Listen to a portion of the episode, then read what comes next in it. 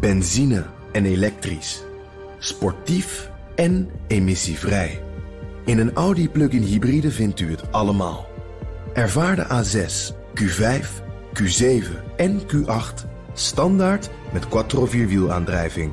Wat u ook zoekt, u vindt het in een Audi. Audi. Voorsprong door techniek.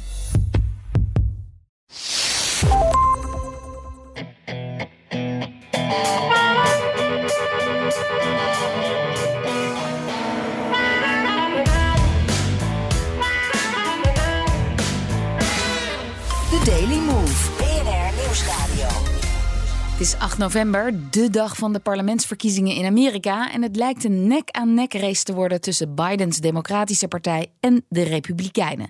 Waarbij de schaduw van Bidens voorganger Donald Trump nog een grote rol van betekenis speelt. Tonight, we are going to witness the most anticipated match in the history truth and facts and logic and reason and basic decency are on the ballot. Democracy itself is on the ballot. The stakes are high. This is the year we're going to take back the House, we're going to take back the Senate, and we're going to take back America. And in 2024, most importantly, we are going to take back our magnificent White House. Are you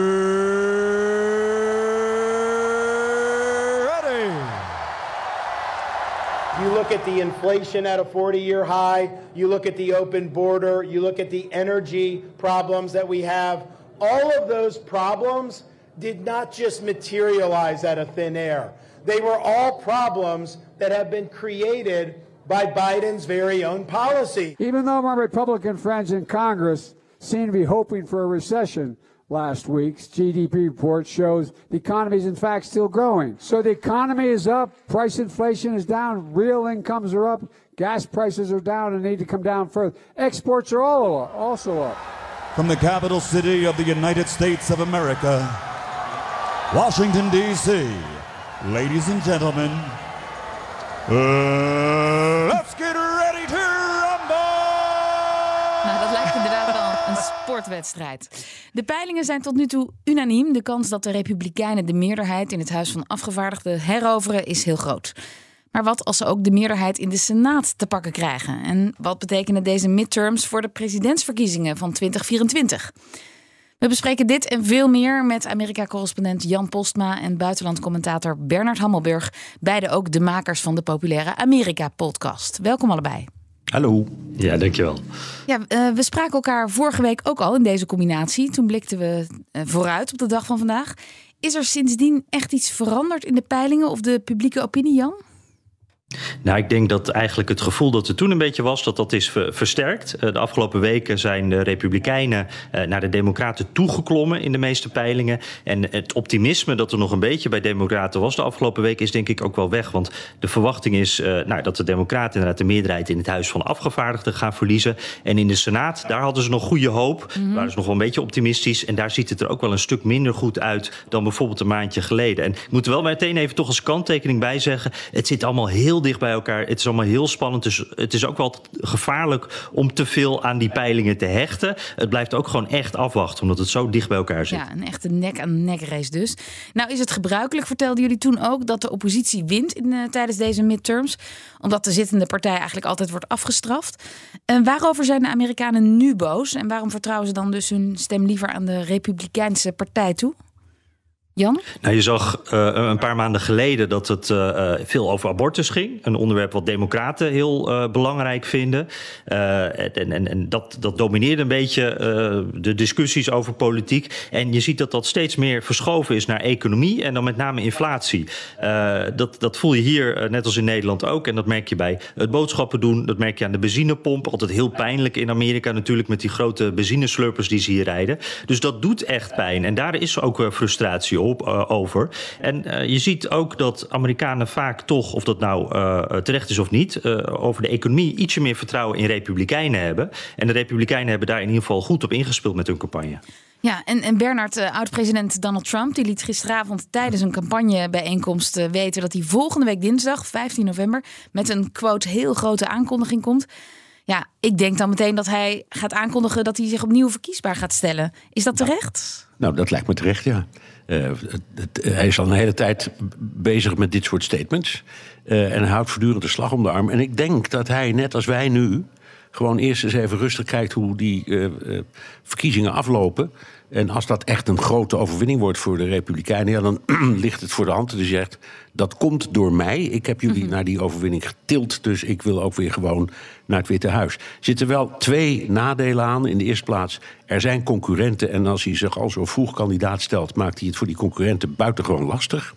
En twee, op het moment dat je je kandidaat stelt, dan val je onder de federale regels van uh, geld inzamelen. Ja. Dus en die zijn heel streng. Um, en uh, de twee vorige keren heeft Trump gebruik gemaakt van de federale regels. Hoeft overigens niet, je mag het ook zelf betalen, maar heeft hij niet gedaan.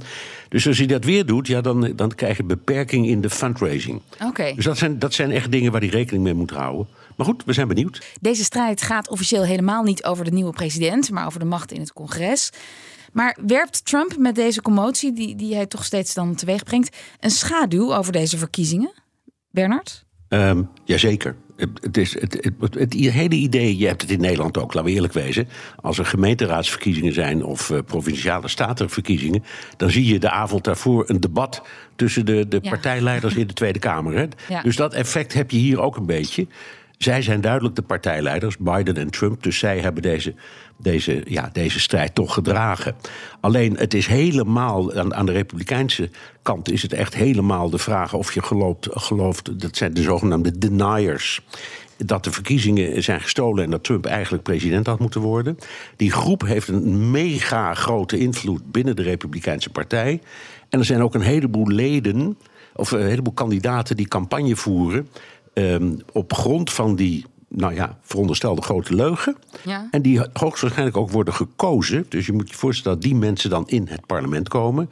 Um, en uh, ja, wat, wat, wat, dat betreft eh, kun je zeggen, de, de, het is niet de schaduw, het is, het is de, de stimulans die, die Trump geeft. En het meest wat Jan en mij het meest opgevallen is, en we, de afgelopen dagen, we hebben er in de podcast ook zeer uitvoerig over gehad, is um, het, het, het feit dat er, ik geloof iets van 100 of Jan, misschien zelfs meer, 100, 100 of, of Ja, ik geloof dat we richting de 300 kandidaten ja, gaan. Nou, goed, kandidaten die, die, dus, die dus meedoen en die ontkennen ja. dat uh, Trump heeft verloren. Um, en die ook van tevoren al hebben gezegd dat ze uh, uh, de uitslag niet zullen aanvaarden. Ja. ja. tenzij ze gewonnen hebben natuurlijk. Ja, dat, dat is een beetje de nieuwe manier van, van verkiezingen, uh, ja, campagne ja, voeren. Hè? Van... Ja, en er, er, zijn er zelfs al, al, een paar die voor deze verkiezingen al naar de rechter zijn gestapt. Dus om te zeggen dat het frauduleus is. Ja. Nou, dat, binnen die sfeer valt het en dat komt echt wel door de invloed van Trump. Ja. Even terug naar vandaag dan. Um, de kans is dus heel groot dat de Democraten hun meerderheid in het Huis van Afgevaardigden gaan verliezen. En wat, wat betekent dat voor de resterende jaren van Biden, eh, Jan? En zijn macht? Ja, dat, ja, dat, dat worden moeilijkere jaren. Want dan, dan uh, zal hij eh, veel, zijn nieuwe plannen veel minder makkelijker doorkrijgen. Dat wordt dan bijna onmogelijk, omdat Republikeinen die hulp heeft hij dan nodig. En ja, die zullen hem vooral tegen gaan houden. Uh, Biden beloofde voor de verkiezingen bijvoorbeeld als lokkertje al: ik kom met een nieuwe abortuswet. Als wij gaan winnen, als wij de, de, echte macht grijpen, dan ga ik daarvoor zorgen. Nou ja, dat is dus duidelijk iets wat echt niet gaat gebeuren als die Republikeinen gaan winnen. dat gaat er gewoon niet doorkomen. En daarnaast, die obstructie gaat ook verder. Want uh, ze zullen ook allerlei onderzoeken naar hem starten in dat Huis van Afgevaardigden. Uh, onderzoeken naar Hunter Biden, onderzoeken naar Joe Biden zelf, uh, minister die, die, zich over immigratie. Ja. Gewoon dus tegenwerking dus op alle punten. Ja. Precies, en ja. dat wordt dan een fulltime job om daar alleen al op te reageren. En, en toen de presidenten Obama en Clinton, die verloren ook nog de macht in de Senaat. Die werden daarmee eigenlijk een beetje vleugellam. is dat een scenario wat nu ook voor ja, voor Biden uh, op geld doet? Ik denk wel dat, dat die kant gaat het dan op, inderdaad. Waarbij het wel zo is dat bijvoorbeeld Obama, die, die heeft toen wel gigantische uh, uh, nederlagen geleden. Waardoor er ook nog zo'n gevoel bij ontstaat van wacht even, deze meneer kan niks meer. Dat zit er op dit moment, ziet, ja, weet ik niet of het die kant op gaat met Biden. Maar inderdaad, als je beide huizen niet in je eigen partij hebt, ja, dan heb je gewoon heel veel om tegen op te boksen. En dan blijven eigenlijk alleen die presidentiële decreten over waarmee je nog dingen kunt beslissen. en het buitenland natuurlijk. Dus dat dan wordt ook een onderwerp waar Biden zich uh, mee bezig kan houden. Ja, en toch een kanttekening, uh, uh, Lisbeth. Ehm, zowel Clinton als Obama heeft, ondanks die map die ze in het gezicht kregen, allebei een tweede termijn gewonnen. Dus, ja. dus je, moet niet, je kunt niet de conclusie trekken dat een president die regeert met een met partij die alleen maar oppositie vertegenwoordigt, helemaal niks meer kan of totaal machteloos is geworden. Zo is het gelukkig ook niet. Oké, dus daar zijn nog kansen als voor, voor de Democraten. Er zijn altijd kansen, ja. Tot slot, uh, onze blik. Ja, wij, praten nu en we denken heel erg over Amerika na en de gevolgen van de uitslagen daar. Maar hoe belangrijk zijn deze parlementsverkiezingen voor ons in Europa? Uh, nou, als, als, als, de vraag aan mij is, ja. ik zou zeggen, het heeft heel veel met Europa te maken. Ik noem twee dingen, er zijn er veel meer. Uh, maar uh, twee dingen die echt heel belangrijk zijn. Kevin McCarthy, de fractieleider van, uh, in, in het Huis van Afgevaardigden, die dus waarschijnlijk nu speaker wordt, mm -hmm. die heeft al gezegd dat, dat, de, dat ze echt de, de kalm gaan halen door dat geld smijten en met wapens smijten voor Oekraïne. En dat, dat heeft rechtstreeks gevolgen op de inspanningen voor Europa als dat gebeurt. En je moet niet het verbaasd zijn als dat gebeurt. Um, en de tweede uh, kant hangt daarmee samen. Dat is namelijk het bondgenootschap tussen Europa en de Verenigde Staten. Onder Trump rammelde dat. Onder Biden is het hersteld. Maar met zoveel republikeinen weer aan de macht kan het best weer gaan rammelen. En dat is geen goed idee. Nou, en de volgende keer dat we elkaar spreken, wil ik het ook graag met jullie hebben over wat mij opviel. Namelijk dat Obama opeens zo fel van leer trekt en weer van stal wordt gehaald. Um, er is ook, zeg ik er even bij, een extra aflevering van de Amerika-podcast online. Die staat klaar in de BNR-app over deze verkiezingen. Voor nu, dank jullie wel, Jan Postma en Bernard Hammelburg.